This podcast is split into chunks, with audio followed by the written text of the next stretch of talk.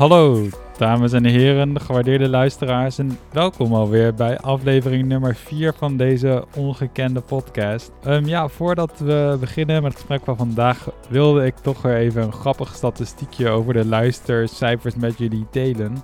Want die groeien namelijk behoorlijk lineair. Van 20 naar, bij aflevering 1 naar 40 bij aflevering 2 naar 60 bij aflevering 3. Ik maak geen grapje. Dus um, laten we hopen dat die uh, lineaire groei doorzet. Um, en dat de piek nog niet in zicht is. Deel het vooral met, uh, met je vrienden. Laat een review achter. Je weet. Mijn gast voor vandaag is uh, Remco Heesen. Remco is wetenschapsfilosoof aan de University of Western Australia en aan de Rijksuniversiteit Groningen. Ons gesprek gaat dan ook over wetenschap en vooral over de problemen daarvan. Remco beweert namelijk dat het nog maar de vraag is in hoeverre we kunnen concluderen dat iets waar of betrouwbaar is. Dus eh, een onderzoekresultaat of een feit of een stelling waar of betrouwbaar is als het door de wetenschappelijke molen is gekomen, om het zo maar te zeggen. Uh, de meeste wetenschappelijke tijdschriften werken namelijk met een systeem dat peer review heet, waarin eigenlijk andere wetenschappers het werk van vakgenoten nakijken of beoordelen. En als zij het dan goedkeuren, als het door die molen is, als de tweede reviewer, reviewer 2, klaar is met zeuren, dan wordt het gepubliceerd. Kwaliteit gegarandeerd via die controle door experts is dan het idee. Uh, maar Remco heeft daar toch zijn bedenkingen bij. Maar ja, als een wetenschappelijke publicatie niet zoveel zegt, uh, zoals hij in dit gesprek uh, zal gaan beweren, hoe moeten we dan de status van de wetenschap als arbiter van de waarheid zien? Ons gesprek begint echter bij een ander wetenschapsfilosofisch probleem. Er is namelijk een berucht paper getiteld Waarom de meeste onderzoeksresultaten niet kloppen. De auteur hiervan is John Ioannidis, een Stanford-wetenschapper die wetenschappelijk onderzoek doet naar, jawel, wetenschappelijk onderzoek. Zijn boodschap is dat de huidige onderzoeksmethoden ervoor zorgen dat een groot deel van het statistische onderzoek verbanden laat zien die er in werkelijkheid niet zijn. En andersom, dat verbanden die er wel zijn, niet worden gevonden. Dat zie je bijvoorbeeld in de zogeheten replicatiecrisis in een aantal wetenschapsgebieden. Bijvoorbeeld in uh, het vakgebied waar ik dan zelf vandaan kom, in de psychologie, uh, waar twee derde van de gepubliceerde onderzoeken niet repliceerbaar bleken. Repliceerbaar, dat wil zeggen toen latere wetenschappers de originele studie probeerden te herhalen, vonden ze niet, hoewel ze dezelfde methode uh, hebben toegepast en gewoon eigenlijk alles hetzelfde hebben gedaan, uh, bij dat experiment dat positief en significante resultaat dat de originele studie vond. Wat natuurlijk merkwaardig is, misschien zelfs wel een beetje verdacht. Want was dat resultaat dan wel echt? En als zulk herhaalonderzoek zo vaak mislukt, wat zegt dat dan over de betrouwbaarheid van een wetenschapsgebied in het algemeen? We spreken in deze context onder andere over het onderzoek naar priming en de beloningsstructuur van de wetenschap, waar de incentives, de prikkels van de wetenschappers liggen, hoe die georganiseerd zijn. Waaromtrent Remco betoogt dat het probleem dieper gaat dan de huidige onderzoeksmethode. En dus niet alleen op dat statistische vlak zitten, dat methodologische vlak, maar dat er meer structurele problemen zijn met hoe wetenschappers beloond worden eigenlijk. Hoe hun prikkels georganiseerd zijn. Maar eerst bespreken we het originele stuk van Ioannidis, dat paper, over dus dat argument van hem dat de meeste onderzoeken onwaar zijn. Ik vroeg Remco namelijk als eerste vraag wat hij van dat paper vond. En daar had Remco wel het een en ander op te zeggen. Wat mij leuk leek is om even aan te, bij het begin van het artikel van Ioannidis te beginnen. Hij maakt daar een best wel belangrijk punt, wat volgens mij niet bij iedereen helemaal is blijven hangen uit dat artikel. Uh, namelijk dat je moet uitkijken als je kijkt naar uh, empirische onderzoeken naar reproduceerbaarheid, dat je niet één op één direct kunt concluderen of dat een goede of slechte conclusie is. Stel je vindt dat, uh, zoals in die grote psychologie-studie, dat iets minder dan de helft van de studies reproduceerbaar zijn. Of dat goed of slecht nieuws is, hangt er voor een belangrijk deel vanaf wat je base rate is. Dus hoeveel van de hypotheses die ze onderzocht hebben, uh, überhaupt waar waren. En normaal gesproken weet je dat natuurlijk niet. Maar in een model kun je dus laten, kun je vrij makkelijk laten zien dat, uh, en dat is ook logisch, hoe meer sorry, of hoe minder hypotheses überhaupt waar zijn die je aan het onderzoeken bent, ehm, hmm. hoe, hoe, groter de verhouding van vals positieve uh, tot ehm, correcte, echte, ware bevindingen je zult hebben. Ook als je zeg maar alles gewoon eh, goed doet. Ja, net zoals je, van, net zoals je uit het feit dat je een, uh, een significantieniveau van 0,05 hebt, niet kunt concluderen dat 1 op de 20 van je bevindingen onwaar zullen zijn. Zo hmm. geldt ook voor die reproduceerbaarheidsonderzoeken, dat als je 40% uh, eh, zich reproduceert, um, dat niet wil zeggen dat dat 60% van die onderzoeken slecht is uitgevoerd. Um, dat hangt dus van de base rate af. En als je dus direct die inferentie maakt, dat wordt dan de base rate fallacy genoemd, um, dan ga je dus te snel. Want het hangt dus van eigenlijk van drie dingen af. Je hebt het aantal, uh, je hebt zeg maar de verhouding tussen ware en onware hypotheses die je aan het onderzoeken bent, die je normaal gesproken niet weet. Um, ja. En dan heb je dus de false positive, false positive rate en je alpha, je significantieniveau. En je hebt de power van je studies. Um, dus de rate, zeg maar, de beta, de, de, de kans dat je een waar resultaat ook daadwerkelijk terugziet in je resultaten. Uh, en de verhouding daartussen en dus hoeveel er in totaal waar zijn, dat zal bepalen hoeveel um, van de conclusies die jij denkt te kunnen trekken ook daadwerkelijk correct zijn. En dat getal kun je normaal gesproken hmm. heel moeilijk empirisch achterhalen, omdat je dus niet weet hoeveel van de oorspronkelijk onderzochte hypotheses überhaupt waar zijn. Maar als het toch in zo'n artikel dan ja, een significant resultaat gepubliceerd wordt, dan is vaak wel de pretentie dat ze, zeg maar, dat ze een ware hypothese hebben onderzocht, toch? Precies, ja. Dus, jij, dus zeg maar alles wat uh, statistisch significant is, wordt gepresenteerd, normaal gesproken in een artikel, alsof het waar is. En uh, dat is op zichzelf wel een beetje naïef. Maar dan als je hmm. dus daarna een, een, een, onderzoek doet naar de reproduceerbaarheid, dus je doet de studie opnieuw en het blijkt dan niet waar, kun je ook nog niet meteen concluderen dat het daardoor dus niet waar is. Hmm. Dus voor elk, ik bedoel, voor elk individueel fenomeen, één studie is niet genoeg, twee studies is niet genoeg. Je, je zal door moeten gaan en in principe min of meer oneindig in, in theorie, um, om maximale zekerheid te hebben. Uh, maar dus ook op het, zeg maar, het metaniveau van zeggen van zoveel onderzoeken zijn reproduceerbaar of dit percentage van onderzoeken is reproduceerbaar. Dat is niet één op één te vertalen naar de kwaliteit van de methodes. om het iets concreter te maken, het kan dus zo zijn dat je in de psychologie, het kan dus zo zijn dat je methodologisch compleet correct werkt. Hè, dus dat zegt, laten we zeggen dat zowel de psychologie als de fysica uh, met dezelfde false positive rate en dezelfde power werkt. Um, Dan kan het desondanks zo zijn dat in de psychologie bijna niks reproduceert en in de fysica bijna alles. Puur op, op basis van het feit, als een resultaat van het feit dat in psychologie veel meer onware hypotheses misschien onderzocht worden. Dat je misschien meer op zoek bent naar een naald in een hooiberg of zoiets. Dat op zichzelf kan genoeg zijn. En dan is er dus niks met de, dan, stel dat dat zo zou zijn, dan is er niks methodologisch ja. verkeerd gegaan. Dan heb je zeg maar gewoon pech dat je in een onderzoeksgebied zit waar het gewoon moeilijk is om ware resultaten te vinden. Dus wat je eigenlijk volgens mij moet doen, is, um, en dat is uh, ook de houding die ik aanneem in het, in de paper waar we het misschien straks over gaan hebben, wat ik hierover heb geschreven.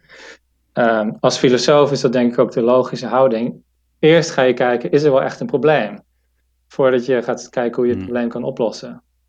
Uh, je moet toch altijd eerst die waarom-vraag nog een keer stellen. Van snappen we eigenlijk wel of hier een probleem is en wat het probleem dan precies is. Uiteindelijk concludeer ik wel dat er een probleem is. Alleen is het inderdaad zo dat je, ja, niks is zeker in de wetenschap. En je uh, gaat altijd ook uh, inderdaad false positives tegenkomen. Dus je gaat, uh, het zal min of meer wat je ook doet, zal het soms voorkomen dat je onterecht concludeert dat een, dat een hypothese waar is.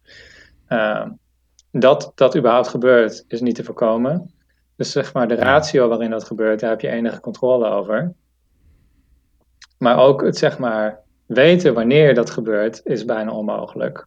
Uh, en dan is dus de uitdaging om in die situatie, we weten dat veel dingen niet reproduceerbaar zijn, maar we weten niet hoeveel van de oorspronkelijk onderzochte hypotheses waar waren. Kunnen we dan überhaupt zeggen dat er een probleem is? Dat is eigenlijk de eerste uitdaging voordat je het kunt hebben over oplossingen. Maar het roept wel de vraag op als heel veel van die hypothesen niet waar waren. Hoe kan het dan dat er een positief resultaat uit die studie kwam? Ja, nou ja, dat is uh, in principe gewoon uh, waarschijnlijkheidstheorie. Als jij stelt dat in al die situaties het de nulhypothese van geen, geen uh, effect waar is, dan, is dan, dan, zou je verwachten dat dus je alfa, je significantieniveau, ja. Dat is dan het percentage van je studies wat dan een resultaat zou opleveren, wat dan eigenlijk onwaar ja. is. Uh, en als bijna, als bijna al je studies, sorry, bijna al je hypotheses onwaar zijn, dan zal het merendeel van je resultaten, van de uh, casussen waar je denkt dat je een resultaat hebt, zal dus ook een false positive zijn. Mm, die laatste snap ik niet helemaal. Want hoe kan het echt, als het boven die 5% komt, of ja, wat je, je alfa dan ook is, dan moeten er toch zeg maar nog externe factoren zijn die dat gat uh, verklaren. Zeg dat je 110 studies aan het doen bent. Uh, ja. En 10 van de hypotheses zijn echt waar en de andere 100 zijn onwaar. En als je significantieniveau ja. uh, 0,05 is, hè, wat de standaard is, dan ga je dus van die 100 studies vijf resultaten vinden, false positives. En als je power uh, vrij hoog is, 80%, dan vind je van die 10 ware resultaten vind je er 8. Dus in de literatuur zie je dan 13 positieve resultaten gepubliceerd, waarvan er 8 waar zijn en 5 onwaar. Maar als je um, dus gaat spelen met de verhouding tussen ware en onware hypotheses, die we dus in werkelijkheid niet kennen, dan kan je dat vrij dramatisch veranderen. Stel dat er, als er 100 onware en 100 ware hypotheses in play zijn, dan krijg je dus 80 echte resultaten tegenover 5 false positives. Dus dan ziet het heel goed uit. Maar als je 1000 onware hypotheses hebt en maar 10 ware, dan krijg je 50 false positieve en maar 8 echte positieve. Ja. En dat is allemaal zonder ja. dat er enige publication bias of wat dan ook in play is, zonder dat iemand met incentives aan het manipuleren is of wat dan ook. Dat is puur statistische methodologie toegepast in verschillende situaties, waarin onder, situaties waarin onderzoek moeilijker of makkelijker is in zekere zin, waarin de, het veld van hypotheses ja. groter of kleiner is, zeg maar. Ja, je bedoelt het relatieve veld van ware hypotheses. Precies. Maar toch is er wel iets, er is wel iets van een probleem, toch? Uh, dus dan, dan wil ik het eigenlijk over dat paper gaan hebben waar je, waar je net al even aan uh, refereerde. Ja, ja, precies. Nou ja, kijk, je moet dus mijn, naar mijn mening in ieder geval, moet je dus meer reden hebben om te concluderen dat er een probleem is, dan alleen maar naar die empirische studies te kijken van, oh, kijk eens hoe slecht het allemaal is qua reproduceerbaarheid. Want dat zegt dus op zichzelf ja. gezien nog niks, maar het is natuurlijk wel een soort van indicatie, wel een reden om eens wat beter te gaan kijken. En uh, ja. als je dat gaat doen, dan vind je dus wel dat er bepaalde praktijken plaatsvinden, een aantal waarvan uh, Johannides in zijn paper ook naar refereert en een aantal waarin ik het in mijn paper ook over heb, die uh, zeg maar op zichzelf al reden tot zorg zijn, los van of ze al dan niet tot, uh, uh, los van of dat al dan niet bevestigd wordt in een studie naar de reproduceerbaarheid van verschillende studies. Ehm, dus een, een, een, standaard voorbeeld wat redelijk praktisch is, is dus dat mensen ehm, gaan p-hacken, wordt dat genoemd. Dus als ze ja op zoek. Ze willen graag een statistisch significant resultaat, want die zijn veel makkelijker te, uh, te publiceren. Dus ze gaan een aantal verschillende varianten van hun studie, een aantal verschillende modelspecificaties, gaan ze door hun statistische software uh, laten lopen. Als daarvan dan soms het resultaat wel significant is en soms niet, dan rapporteren ze degene waarin het significant is. En ze vertellen er niet bij dat ze meerdere specificaties hebben ge geanalyseerd. Dus ja, dan, dus dat is een typisch geval van p-hacking. Dan, is het, dan wordt het gepresenteerd alsof ze van tevoren deze hypothese hadden geponeerd. En daarop hun statistische ja. analyse hebben gedaan. Maar eigenlijk hebben ze het achteraf geconstrueerd op basis van de data. En dan heb je dus, uh, dan is zo'n zo'n p-value, dus het idee dat je een studie hebt gedaan met een kans van maximaal 0,05 uh, op een false positive, dat is dan dus gewoon niet waar. Uh, als je kijkt wat de echte, hmm. wat het echte onderzoek is wat ze gedaan hebben, vergeleken met wat het zou moeten zijn om die statistische toets op die manier te kunnen gebruiken. Ja, want dan krijg je dus eigenlijk een situatie waarin het gepubliceerde onderzoek niet representatief is voor de onderliggende, ja, echt gedane onderzoeken of voor de onderliggende wetenschap. Precies, ja. Dus dat zijn, dat zijn methodes die gebruikt worden, min of meer als gevolg van de uh, manier waarop we bepalen wat we publiceren, uh, die ertoe leiden dat dus inderdaad wat je in de literatuur ziet staan, in een paper ziet staan, uh, niet representatief is voor het echte onderzoek dat gedaan is. En dat dus dan zo'n p-value, of zo'n, ja, dat ze dus aangeven dat die statistisch significant is, niet interpreteerbaar is op de manier zoals dat concept eigenlijk bedoeld is. Ja, en dat wetenschappers af en toe zeg maar dat soort dingen doen, dat is geen toeval. Hè? Nee, precies. Uh, ja, ik noemde het net al even. Hè. we hebben dus uh, onze wetenschappelijke tijdschriften hebben op een bepaalde manier ingericht. En we hebben de hele academische cultuur op een bepaalde manier ingericht.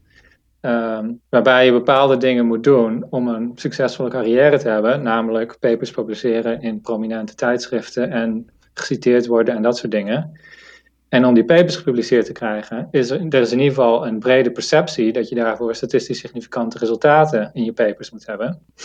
Dus dan heb je dus een hele goede reden als individuele onderzoeker om dus te, maar te zorgen dat je die statistisch significante resultaten in je papers hebt.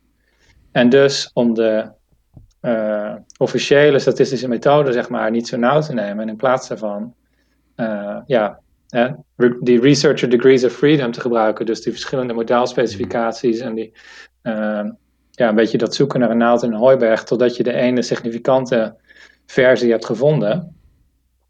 En dan kun je publiceren en dat is goed voor jou. En dit, wordt, dit hele systeem als geheel, dat wordt dus de credit economy genoemd. Dus het idee dat je uh, door te publiceren en geciteerd te worden uh, en op verschillende andere manieren, dat je dus een bepaalde prestige aan jouw naam en aan je werk verbonden laat worden. die ja, dit weten we empirisch, die heel belangrijk is voor hoe dan een verdere carrière als academicus eruit ziet.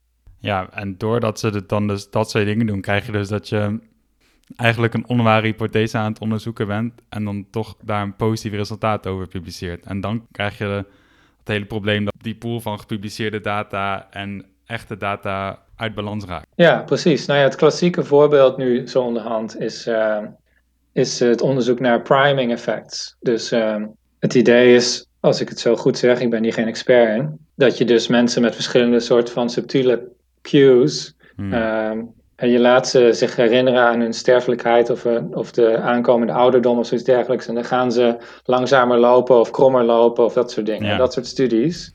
ja, ehm, dat is klassiek. Hè? Dat ze dan, dan moesten die proefpersonen moesten. Uh, volgens mij moesten ze bepaalde woorden omcirkelen of zo. Dus uh, ik moest tijdens mijn studiepsychologie ook vaak van dit soort onderzoekjes, uh, van die grappige onderzoekjes doen. Dus dan is het zo van omcirkel alle E's of in deze lijst woorden of zo. En dan hadden ze dus één groep die had in die lijst woorden heel veel um, uh, woorden die te maken hadden met ouderdom inderdaad. Dus grijs, ja, sterf, sterfelijkheid, um, oud, dat soort dingen. En daarna kwam het pas zeg maar het echte onderzoek, dus de echte uh, afhankelijke variabelen die ze gingen meten. En dan bleek dat die groep of ja, dat was in ieder geval de, de claim, die liep langzamer naar de lift toe. Ja. In de gang. ja, precies. nou ja, dat soort, dat soort studies, dat is dus een hele industrie. Hè? Je geeft het al aan, jij kwam dat in je, in je bachelorstudie, kwam je dat, dat soort onderzoeken tegen. Omdat er dus een hele industrie van dat soort onderzoekjes werd opgezet op basis van eerdere studies die hadden aangegeven dat dat soort effecten blijkbaar zouden bestaan. En hier zie je dus dat effect optreden. Tenminste, dat is hoe volgens mij nu uh, de stand van zaken is. Wat mensen nu een beetje denken over hoe dit hele veld zeg maar, tot stand gekomen is. Ja, die eerste studie, die was dus op de soort van manier die ik net beschreef. Dus uh, gemanipuleerd is misschien een groot woord, maar uh, ze hadden dus een beetje gezocht in de data totdat ze het net zo konden krijgen dat het statistisch significant was. Dus er leek een effect te zijn wat misschien nu achteraf gezien in ieder geval overtrokken was, misschien helemaal niet bestaat. En dan andere mensen, onderzoekers, die willen ook uh, dat soort hippe studies kunnen laten zien. Dus Hmm. die gaan dan net met andere varianten aan de slag. En niemand doet precies hetgene wat die eerste persoon deed. Want ja, dat heeft die persoon al gedaan. Dat is niet meer interessant. Dus niemand komt er direct achter dat het niet reproduceerbaar is. Maar iedereen doet zijn eigen variant en doet daarin weer al die praktijken om ervoor te zorgen dat ze een statistisch significant resultaat krijgen. En soms heb je misschien een gefrustreerde promovendus of postdoc die dat niet voor elkaar krijgt. Maar ja, die publiceert zijn resultaten dan niet. Dus als je kijkt naar de gepubliceerde literatuur, dan zie je een hele trits aan varianten op priming effects, die allemaal statistisch significant uh, werkende effecten lijken te illustreren. Terwijl als je kijkt wat er echt in die onderzoeken gedaan is, uh, dan zouden de meeste van die onderzoeken officieel niet als statistisch significant gepubliceerd mogen worden. En er is misschien nog Ja. wel een hele trits aan studies die in de la liggen, waar helemaal geen statistisch significant resultaat gevonden is. En als je dat allemaal bij elkaar optelt, zou je een heel ander beeld, een heel andere literatuur hebben. Ja, dus eigenlijk in deze he- hele dynamiek. Ja, er zijn twee dingen waar ik nou van denk: oké, dat zijn eigenlijk zeg maar punten in de lijn waar je het eigenlijk zou willen ondervangen. Dus dat eerste is van waarom worden alleen positieve resultaten ja, gepubliceerd of bijna alleen maar? Want daardoor krijg je dus ja, dat die hele studies waar niks positief was van, die liggen gewoon in de la. En die worden dan ook niet meegenomen bij die meta-analyses en zo, waardoor ja, Mhm. heb je daar ook niet zoveel meer aan. En dat die dingen als p-hacking en zo niet ondervangen wordt bij de, ehm, ja, bij de peer review of ergens in het hele proces. Ja. ja, nou ja, goed, dan krijg je dus de. En dat, dat zie je nu ook gebeuren, dat er dus een, een push komt voor het publiceren van eh, niet-significante resultaten. Ehm, En ehm, bijvoorbeeld pre-registration, dus dat je van tevoren aangeeft wat je hypothese is en dat ergens vast laat leggen en dan je onderzoek doet. Eh, dat is dus een manier om dat p-hacking een beetje te ondervangen. Want als iemand dan dus een bepaald significant resultaat wil publiceren dat anders is dan wat ze in een pre-registration zeiden dat ze zouden gaan doen, dan weet je dus, dan is het in feite p-hacking. Ehm, dan hebben ze dus meerdere dingen uitgeprobeerd. Ze hebben eerst gedaan wat ze echt zeiden dat ze zouden doen en daarna iets anders geprobeerd toen dat niet bleek te werken. En misschien hadden ze daar goede reden voor. Soms is dat legitiem. Alleen dan weet je dus wel dat je dat misschien iets sceptischer moet bekijken. Dat het niet één op één die p-value kan geïnterpreteerd worden als: oh, dus dit is statistisch significant. Dus dan kunnen we ervan op uitgaan dat you know, de maximale kans op een false positive bijvoorbeeld 5% is of wat dan ook. Ja. Dus dat soort, dat soort processen zie je nu allemaal, uh, die zijn nu allemaal in gang getrokken. Maar het lastige daarvan is dat ze dus in zekere zin niet de, de diepere onderliggende oorzaak aanpakken dat je moet publiceren om uh, je carrière te maken. Dus in het paper wat we al een aantal keer genoemd hebben, dus uh, paper wat ik heb geschreven in 2018, en het heet um, Why the Reward Structure of Science Makes Reproducibility Problems Inevitable. In dat paper probeer ik aan te geven dat um, dus het diepere fenomeen dat je dus een, een, credit economy hebt waarin je moet publiceren om je naam te maken. Um, en je een peer review systeem hebt wat um, moet bepalen wat op niveau op korte termijn serieus genomen wordt en dat per definitie niet perfect kan doen, leidt tot een situatie waarin uh, de onderzoekers goede reden hebben vanuit hun zelfbegrepen eigen belang om dus uh, ja, slordig te zijn, haast te maken, uh, dingen gepubliceerd te krijgen, ook als ze misschien zelf daar twijfels over hebben. En dat bredere fenomeen kun je volgens mij niet ondervangen alleen door nul resultaten te publiceren of pre-registration plans. Dat is een soort eigenlijk vanuit mijn standpunt gezien, vanaf, vanaf dit metaniveau zeg maar, van de hele wetenschapscultuur, is dat een soort symptoombestrijding. Want je hebt, waarom kan je het daar niet mee uh, ondervangen dan? Nou ja, je ondervangt daarmee specifieke praktijken. Maar zolang de wetenschappers er nog steeds belang bij hebben om uh, papers te publiceren, ook als ze, even kort gezegd, zelf niet echt in de resultaten geloven, om het zo maar te zeggen, dan zullen ze wel weer nieuwe manieren vinden, nieuwe trucjes. Of de nieuwe praktijken worden dan gemeengoed, die uh, vergelijkbare problemen zullen opleveren. Dat is eigenlijk mijn stelling in dat paper, dat je met alleen het aanpakken van zeg maar de statistische procedures die worden gebruikt, die puur methodologische vragen, daarmee kom je er niet. Want zolang de incentive er is, uh, de, de prikkel zeggen we dan in het Nederlands, hè? de prikkel ja. om uh, Dus zoveel mogelijk te publiceren en ook ehm, foutieve resultaten hebben nog een relatief ehm, resultaten die later niet reproduceerbaar blijken, hebben nog een relatief positieve invloed op jouw prestige, maar een negatieve invloed op de vooruitgang van de wetenschap als geheel. Nou ja, zolang je in die situatie zit, zullen mensen dat dus ook blijven doen. Of zullen manieren vinden om dat te blijven hmm. doen. Dus eigenlijk het diepere probleem is dat die, die incentives, die prikkels van de individuele wetenschapper en zeg maar van ja, welk belang wij allemaal hebben bij de wetenschap, dat die niet aligned zijn, niet op, op één lijn zitten. Dat daar een soort mismatch is. Ja, precies. Ja, dus dat, uh, ja, in, het, in het paper maakt het dan het onderscheid tussen dus credit, wat voor de individuele wetenschapper ja, belangrijk, misschien wel het meest belangrijk is, omdat ze daarvoor van afhankelijk zijn voor hun carrière.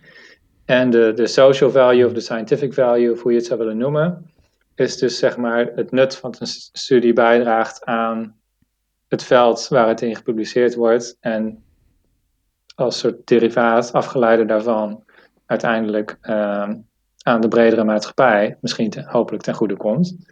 Um, en ja, als je dus een niet reproduceerbare studie hebt, ja, soms, kan, uh, soms kunnen fouten instructief zijn. Maar als je bijvoorbeeld kijkt naar die priming literatuur, ja, dan zijn ze dus, lijkt het nu in ieder geval, zijn ze dus een heel dood pad ingegaan. En hebben ze dus tiental, hmm. of, eh, een, een, tiental jaren aan studies uh, die eigenlijk op een uh, valse premisse waren gebaseerd, uitgevoerd. Dus dan zie je dat de social value van die eerste studie zwaar negatief is. Ja. Terwijl, hè, want die heeft dus een hele, hele groep onderzoekers op een, op een doodlopend pad gezet. Terwijl de gevolgen voor de individuele carrière van die wetenschapper, die dat onderzoek gedaan heeft, van dat specifieke paper, waarschijnlijk positief of, of misschien ongeveer neutraal zijn geweest. In ieder geval in eerste instantie positief en later wat minder misschien. Dus je ziet daar die mismatch, zie je zich daar ontvouwen.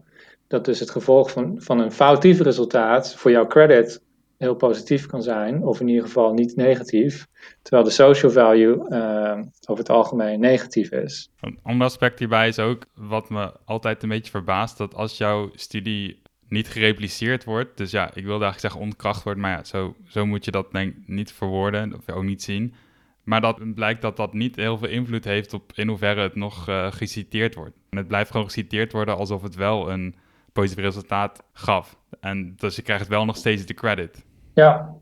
ja, en op een bepaalde manier is het heel logisch dat dat gebeurt. Want wie heeft er belang bij om dat nieuws dat zo'n studie niet uh, gereproduceerd is, dat te gaan verspreiden? Uh, de oorspronkelijke onderzoeker, die hmm. wordt daar natuurlijk niet beter van. Het tijdschrift waarin het paper oorspronkelijk gepubliceerd is, wordt daar niet beter van. Uh, de media zullen er niet zo snel mee aan de haal gaan, want ja, ehm, het oorspronkelijke resultaat was een spannend, uh, misschien controversieel of verrassend resultaat. Nu is het ja. Oké, wat moet je nu schrijven als artikel? Ja, we weten het misschien toch niet. Ja, wie wil dat lezen? Ehm, dus je hebt eigenlijk ja. uh, veel minder interesse in dat soort resultaten. En hetzelfde geldt natuurlijk voor de wetenschappers in het veld. Ik bedoel, je wilt natuurlijk weten wat de nieuwe interessante hypotheses zijn waar mensen aan werken. Maar ja, de verdere details van hoe dat dan in de reproduc in, reproduc in pogingen om het te reproduceren, hoe dat er dan uit komt te zien, ja, dat is eigenlijk alleen voor jou interessant als je echt specifiek op die vraag of direct gerelateerde vraag aan het werk bent. Als dat niet zo is, ja, waarom zou je dan die, die studies allemaal gaan zitten lezen? Waarom zou je dan op de hoogte gaan blijven van alle hmm. studies die je ooit gelezen hebt, of ze zich later nog gereproduceerd hebben of niet? Dat is ook niet, dat is sowieso praktisch niet te doen. Uh, is niet zo boeiend. Is waarschijnlijk maar marginaal relevant voor je eigen onderzoek in de meeste gevallen. Dus ja, eigenlijk niemand heeft echt belang bij om erover te schrijven en niemand heeft echt belang bij om het te lezen. Of ja, in beide gevallen bijna niemand, moet ik zeggen. Uh, uiteraard heeft degene die de tweede studie heeft gedaan er wel belang bij om daar rugbaarheid aan te geven. En er is natuurlijk een kleine groep van onderzoekers die wel belang bij heeft om te weten dat zo'n studie niet gereproduceerd is. Namelijk degene die daar hun eigen vervolgonderzoek aan vast hebben hangen of aan gelinkt hebben of daar, zich, zich daarop baseren op enige manier. Maar dat zal een, een, kleine minderheid zijn. Dus er zal een hele grote groep zijn voor wie dat meer in de periferie van hun eigen onderzoek zit. Voor wie het logisch is om dat nog steeds te citeren, want daar hebben ze van gehoord en niet van die latere studie, die veel minder aandacht heeft, zal hebben gekregen. Ja, het is wat dat betreft ook een beetje een informatiemanagement probleem. Ja, absoluut. De term uh, netwerkepistemologie is hiervoor, geloof ik, uitgevonden. Kevin Zolman heeft daar een aantal hele interessante papers over geschreven. Uh, en dat gaat inderdaad precies over de vraag van hoe, hoe zorg je er nou voor dat die, um, of ja, hoe gaat het überhaupt, het verspreiden van informatie door een netwerk? En uh, hmm. ook daar kun je natuurlijk allerlei vragen over stellen van werkt het wel zo goed en kunnen we daar verbeteringen in aanbrengen? Ja, wat je eigenlijk wil of zo is dat bij dat originele paper gewoon een soort uh, addendum of let op um, waarschuwing komt of zo. Ja, nou ja, volgens mij gebeurt het ook wel. Uh, maar dat is niet genoeg. Hmm. Want kijk, ik, heb, ik ben een onderzoeker die dat paper misschien wil citeren. Ik heb dat tien jaar geleden een keer gelezen. En nu staat het in mijn reference manager. En citeer ik het wanneer het van pas komt. En dan ga ik niet elke keer weer dat paper opzoeken. Dus dan zie ik helemaal niet dat die uh, addendum erbij staat. Hmm. Goed, ik verdedig het niet. Of althans, ik verdedig het alleen in een soort pragmatische sens. Uh, ja, ja.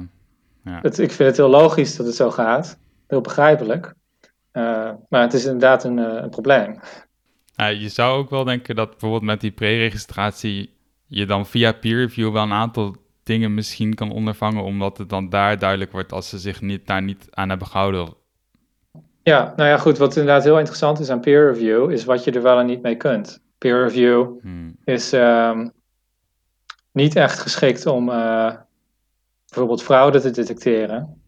Want ja, hoe kan je als peer reviewer nou weten of de data die gereporteerd wordt in zo'n paper, of die echt gegenereerd is, of dat ze dat gewoon bij elkaar verzonnen hebben? Dat is in principe niet te zien voor, want je krijgt alleen maar het paper te zien. Hè? Je, je bent niet aanwezig in het lab als ze die studies aan het doen zijn. Maar dit is misschien een voorbeeld wat jij zegt, uh, waar wel een rol voor peer reviewers uh, te vinden zou kunnen zijn. Als inderdaad zo'n pre-registration report ergens uh, aanwezig is, dan zou inderdaad een goede rol voor een peer reviewer zijn om dat te lezen, te vergelijken met de studie die ze nu moeten peer reviewen voor publicatie. En als blijkt dat ze uiteindelijk een ander model geanalyseerd hebben dan dat ze zeiden in een pre-registration, dan zou een goede peer reviewer zou erop moeten staan dat ze dat in ieder geval expliciet aangeven in het paper. En ook misschien wat zeggen over waarom ze de oorspronkelijke studie niet uitgevoerd hebben of niet de resultaten daarvan niet laten zien. Uh, wat de redenen daarvoor waren. En uh, misschien enige speculatie over wat we op basis van dit gehele plaatje moeten denken van dit, dit onderzoek. Ja, want die peer review, dat zou eigenlijk een soort kwaliteitscontrole moeten zijn, toch? Volgens mij is dat wel het idee. Um, je, je, ga, je, stuurt een beetje richting peer review. Uh, je, je, jij weet natuurlijk al, je luisteraars misschien niet, dat ik vrij sceptisch ben over het algemeen over de waarde van, uh, van peer review. Uh, maar ik denk inderdaad de meeste mensen, zeker mensen die er niet heel veel over nagedacht hebben, dat als de eerste en belangrijkste rol van peer review zien, is dat het een bepaalde vorm van kwaliteitscontrole uh, met zich meebrengt. Maar wat zijn dan jouw redenen voor dat um, scepticisme? Nou ja, het, het, e-, de eerste is dat dus het kwaliteitscontrole aspect, dat dat um, volgens mij flink tegenvalt als je gaat kijken hoe het in de praktijk uitpakt. Een aantal dingen die peer review dus überhaupt niet kan doen, is uh, het detecteren van fraude. Uh, een ander ding wat peer review niet kan doen, is voorkomen dat een uh, slordige of slechte of oninteressante of wat dan ook studie in de literatuur komt. Want peer review kan wel zeggen van, hè, nu dit tijdschrift, we gaan dit niet publiceren. Maar ja, dan gaan ze naar een ander tijdschrift. En als dat ook niet doet, dan gaan ze naar nog een ander tijdschrift. Er zijn zoveel tijdschriften. Als, jij, als jij een studie hebt die je per se in de literatuur wil hebben, dat is meer een kwestie van geduld dan van kwaliteit. Je kunt al, bijna alles kun je gepubliceerd krijgen als je maar genoeg geduld hebt. En um, ja, je weet dus ook niet of het fraudeleus is of niet. Dat kun je ook niet uit een peer review halen. En als het dan gaat om kwaliteit, dan zou dat dus op de een of andere manier aangegeven moeten worden in welk tijdschrift het dan in gepubliceerd wordt. Maar ook dat is uh, denk ik wel in twijfel te trekken. Wat we ook weten is dat peer review um, een hele grote toevalsfactor aanwezig is in peer review. Dus um, de technische term die hier vaak gebruikt wordt is inter-rater reliability of inter-reviewer reliability. Um, wat dat eigenlijk betekent is dus de mate waarin peer reviewers het met elkaar eens zijn. Ja. Dus als jij uh, een paper gepeer-reviewed hebt en je zegt accept, wat is dan de kans dat als ik een willekeurige andere peer reviewer aan dat paper had toegewezen, dat die ook accept zou hebben gezegd. En ja, er is dus... vaak zijn er ook twee, toch? Ja, precies. Nou ja, goed. In, in dus ehm, typische peer review processen heb je het over uh, twee tot vier peer reviewers hmm. voor een paper. Afhankelijk van het vakgebied en het tijdschrift en et cetera. En als je dus zo'n studie wil doen, zo'n integrator reliability studie, dan stuur je, tenminste, dan, dan ligt het voor de hand om naar iets meer reviewers, om een kleinere groep papers naar een grotere groep reviewers te sturen, zodat je inderdaad die verschillende metingen van hetzelfde paper kunt vergelijken. Maar goed, typisch is het inderdaad zo dat twee, drie, soms vier reviewers een paper bekijken. En zelfs met twee, drie zie je dus vaak al grote verschillen in de meningen. En het, maar het idee is dus vooral ook dat je dus door die, die studies die daarna gedaan zijn, weet je dus dat als in plaats van de twee die naar dit paper hebben gekeken, twee andere mensen naar dit paper hadden gekeken, is de kans dat ze dus tot een ander oordeel waren gekomen groot. Dat is de uitkomst van dit, van dit empirische onderzoek, is dat dus die inter-rater reliability dat die laag is.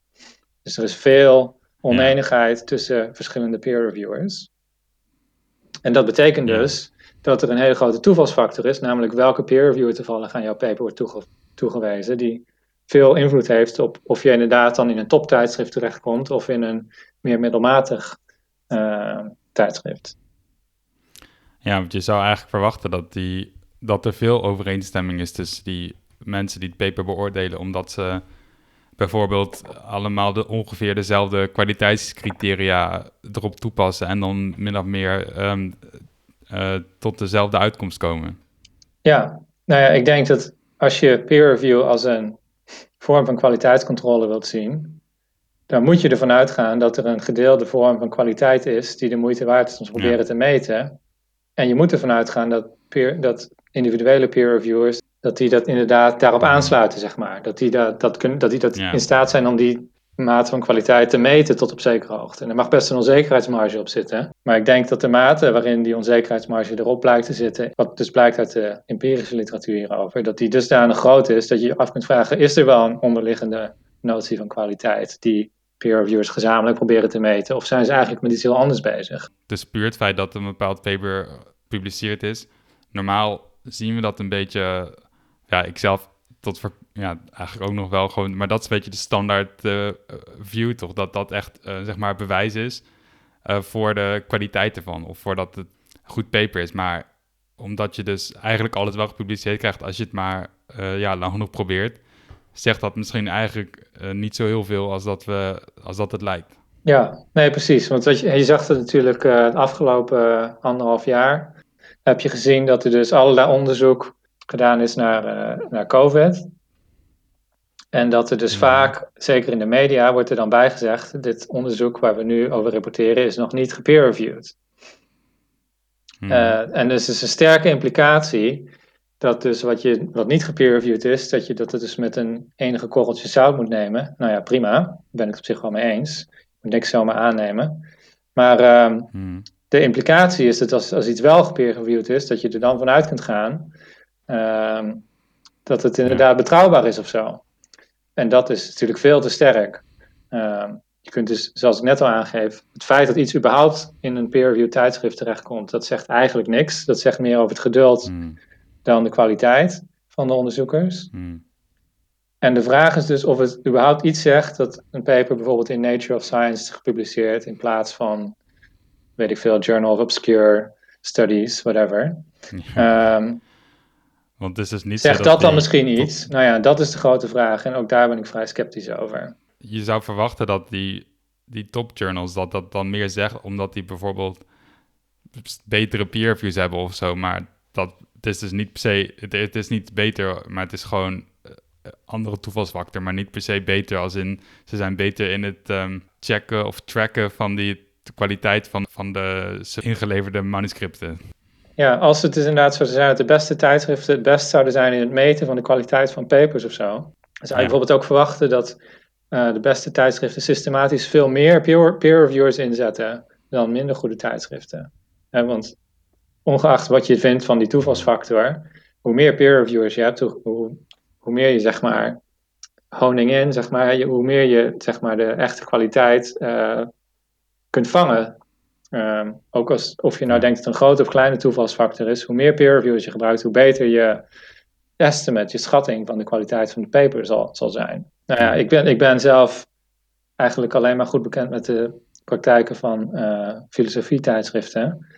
Maar daar is er absoluut geen correlatie tussen de kwaliteit of de perceived quality van een uh, tijdschrift en uh, hun peer review praktijken. Um, Philosophical Studies is een van de toptijdschriften in de filosofie. Die gebruiken regelmatig maar één peer reviewer per paper. Veel Philosophical Review en Journal of Philosophy en tijdschriften hmm. die ook aan de absolute top uh, worden gezien in de filosofie. Um, waar veel van de peer review binnen het huis wordt gedaan binnen één filosofiedepartement. Nou ja, dan kun, je, kunt toch moeilijk volhouden dat al de beste experts op alle gebieden van de dingen waar ze over publiceren, dat die toevallig net aan hetzelfde departement werken.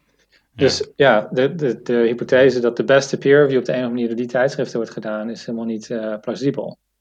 Maar dat onderzoek naar die uh, lage inter-rater reliability, dat is wel ook in andere velden gedaan, toch? Of is dat ja, ja, zeker. Binnenverliezen? Alleen niet door mij. Nee, precies. Ja, ja, ja. En uh, heb je ook een idee wat, hoe dat beter zou kunnen, dat peer review? Ja, ik ben dus voorstander van een open peer review systeem wat na publicatie, dus post-publication, mm. plaatsvindt.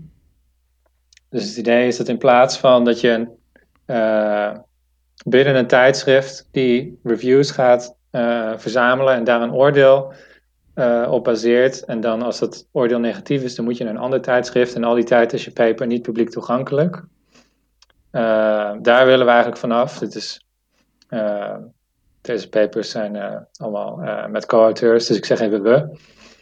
Dus je hebt een open systeem waarbij dus iedereen die wil, die zijn mening wil geven over zo'n paper, dat in principe kan doen. En dat wordt dus gedaan nadat het al gepubliceerd is. Dus je zet eerst, als je zelf als onderzoeker denkt dat iets klaar is, dan zet je het op een website. En dat noemen we dan publicatie. En daarna gaan we eens kijken hoe goed we eigenlijk vinden dat het is. En we zoeken daarbij dus naar een brede input, iedereen die dat wil. En liefst ook dus meer dan twee of drie mensen per paper. Uh, want als er nou echt een onderliggende notie van kwaliteit is, zoals gezegd, ik ben daar zelf sceptisch over, maar als die er is, dan wil je dus zoveel mogelijk metingen hebben om die kwaliteit zo goed mogelijk in te schatten. Uh, en dat doe je dus door dus meer reviews te verzamelen. Ja. En, uh, ja, en je kan dus snel aan de slag, hè, want uh, op het moment dat de paper beschikbaar is, dan is het al publiek. Je hoeft niet te wachten totdat het door een paar mensen bij een tijdschrift is goedgekeurd. Als jij een expert bent op een bepaald gebied, je hebt helemaal geen notie aan wat een paar peer reviewers vinden. Je kan het zelf wel bepalen of je het goed vindt of niet. Dan kan je gewoon meteen verder. Ja, en het lijkt me ook dat je dan, ja, als leek of in ieder geval als persoon die de papers wil lezen, um, beter kan zien hoe goed het is, omdat andere mensen dan echt een beoordeling geven, in plaats van 0 of 1, het is wel of niet gepubliceerd. Ja, je kan dus inderdaad niet alleen um, je eigen, of je kan dus niet alleen meer reviews, maar je kan ze dus ook allemaal gaan nalezen, inderdaad, als je dat zou willen. Uh, en je zou je voor kunnen stellen dat daar bijvoorbeeld ook een score aan vasthangt. Dus wat je zegt, ja, een, een beslissing van zo'n tijdschrift is 0 of 1, publiceer of uh, wijs af. Maar inderdaad, als je zo'n peer review, uh, zo'n open peer review systeem hebt, dan kan je daar dus scores aan vast. En dan zie je dus, ah, peer reviewer 1 vond eigenlijk 0.8, peer reviewer 2 vond 0.7. Uh, en nu heb je dus een schatting, 0,75. En je weet iets van de variantie, want je hebt de, je hebt de onderliggende data ook. In plaats van dat je alleen die 0 of die 1 hebt, heb je een gemiddelde en een variantie daaromheen, et cetera, allemaal beschikbaar. En je kunt daar vast dan ook hele interessante machine learning dingen mee gaan doen, uh, als je dat zou willen.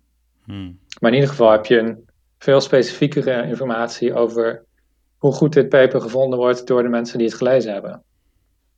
Maar als, ik al die, als je al die dingen nou zo hoort waar we het nou uh, al drie keer over hebben, dan de wetenschap is toch zeg maar wel de meest gezaghebbende epistemologische autoriteit van de samenleving. Ik kan me voorstellen als je al die kritiek hoort, dat mensen dan gaan twijfelen aan van uh, is dat eigenlijk wel terecht of hoe moeten we dat, hoe moeten we dat zien? Ja, ja uh, dat is een logische vraag. Uh, ik heb er geen heel eenduidig antwoord op. maar ik denk, ik denk zelf dat. Ehm, ik, vind, ik, ik, ben zelf nog steeds een groot voorstander van die uh, epistemologische autoriteit van de wetenschap. Ehm, ik ben een groot, groot fan van de wetenschap, om het zo maar te zeggen. Uh, ik denk dat het nog steeds de beste methode is die we hebben om ehm, dingen te leren over uh, ja, allerlei dingen die van belang zijn voor ons. Of het nou gaat om het, het bouwen van bruggen of, of wat het beste economische beleid is, om even twee, twee zijstraten te noemen. Uh, Wetenschappelijk onderzoek is daar absoluut, uh, denk ik, nog steeds onze beste methode voor om antwoorden op dat soort vragen te krijgen. Of in ieder geval op de, uh, een deel van de antwoorden in ieder geval. Um, maar ik denk dat, we, dat het goed is dat er meer begrip is voor, uh, voor de nuances daarvan en voor de, het feit dat wetenschap um, niet, absoluut, niet de absolute waarheid in pacht heeft en dat uh, wetenschappelijke resultaten altijd voorlopig zijn. Dat, uh, dat er een reproduceerbaarheidscrisis is. Uh, ja, ik denk dat het goed zou zijn als meer mensen dat zouden weten. Ehm, zodat ze niet het idee hebben dat wetenschap altijd perfect is. En als ze dan een keer iets horen over een imperfectie in de wetenschap, dat ze dus concluderen dat alle wetenschap dus onzin is. Um, ik denk bijvoorbeeld dat er in het onderwijs van wetenschap in, van, vanaf de basisschool tot en met de universiteit meer aandacht zou mogen zijn voor de methodologie van wetenschap en de feilbaarheid van wetenschap. En hoe onderzoek je nou een hypothese en wat weet je dan nadat je een onderzoek hebt gedaan en wat weet je niet. Uh, In plaats van het leren van de specifieke feitjes die we met de huidige kennis van de wetenschap denken te weten. Dat meer mensen die niet zelf wetenschappers zijn ook snappen dat hoewel wetenschap dus heel goed en belangrijk en interessant is, dat het ook zijn beperkingen heeft en zijn imperfecties.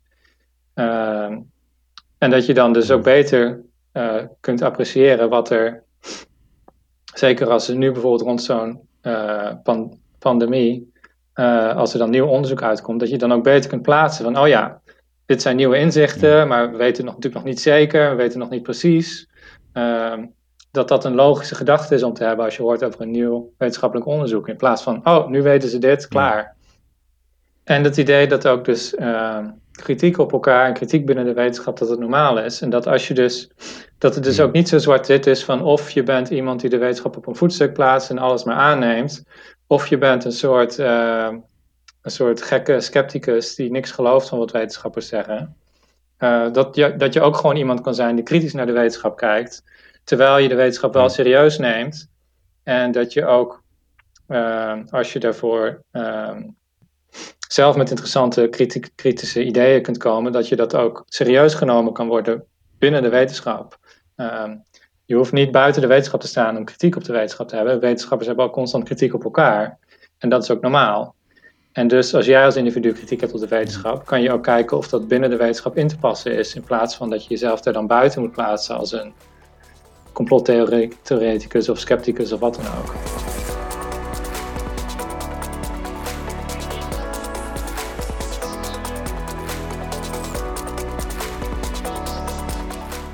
Dat was mijn gesprek met Remco.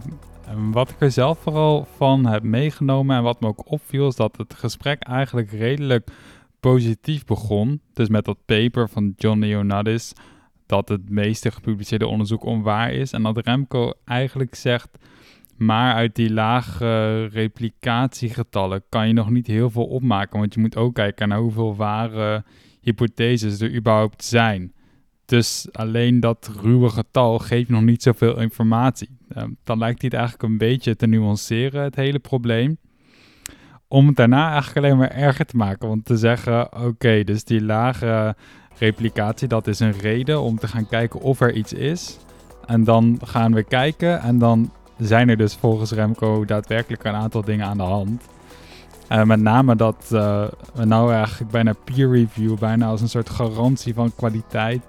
Uh, in sommige kringen ook wel als een garantie van waarheid zien. Terwijl dat um, dus niet per se gerechtvaardigd is. En vooral dat het probleem van wetenschap verder gaat dan alleen maar dingen als peer-hacking of andere methodologische dingen. Maar dat er gewoon iets best wel fundamenteels mis zit in hoe de beloningsstructuur werkt. Want zo legt Remco dus uit. Nu is het dus zo geregeld dat jij als wetenschapper reden hebt om dingen te doen die eigenlijk slecht zijn voor het algemene belang. Namelijk uh, best wel een soort van slordige onderzoeken doen en dan hopen dat die maar door peerview heen komen. Want of iets wel of niet door peerview heen komt, heeft toch weinig te maken met kwaliteit van het paper, aldus Remco. En daarnaast, als het eenmaal door peerview heen is en het blijkt dan niet repliceerbaar te zijn of niet te kloppen, heeft dat toch nauwelijks negatieve consequenties. Ondanks al die kritiek had Remco nog een mooi genuanceerd standpunt over de maatschappelijke waarde van wetenschap.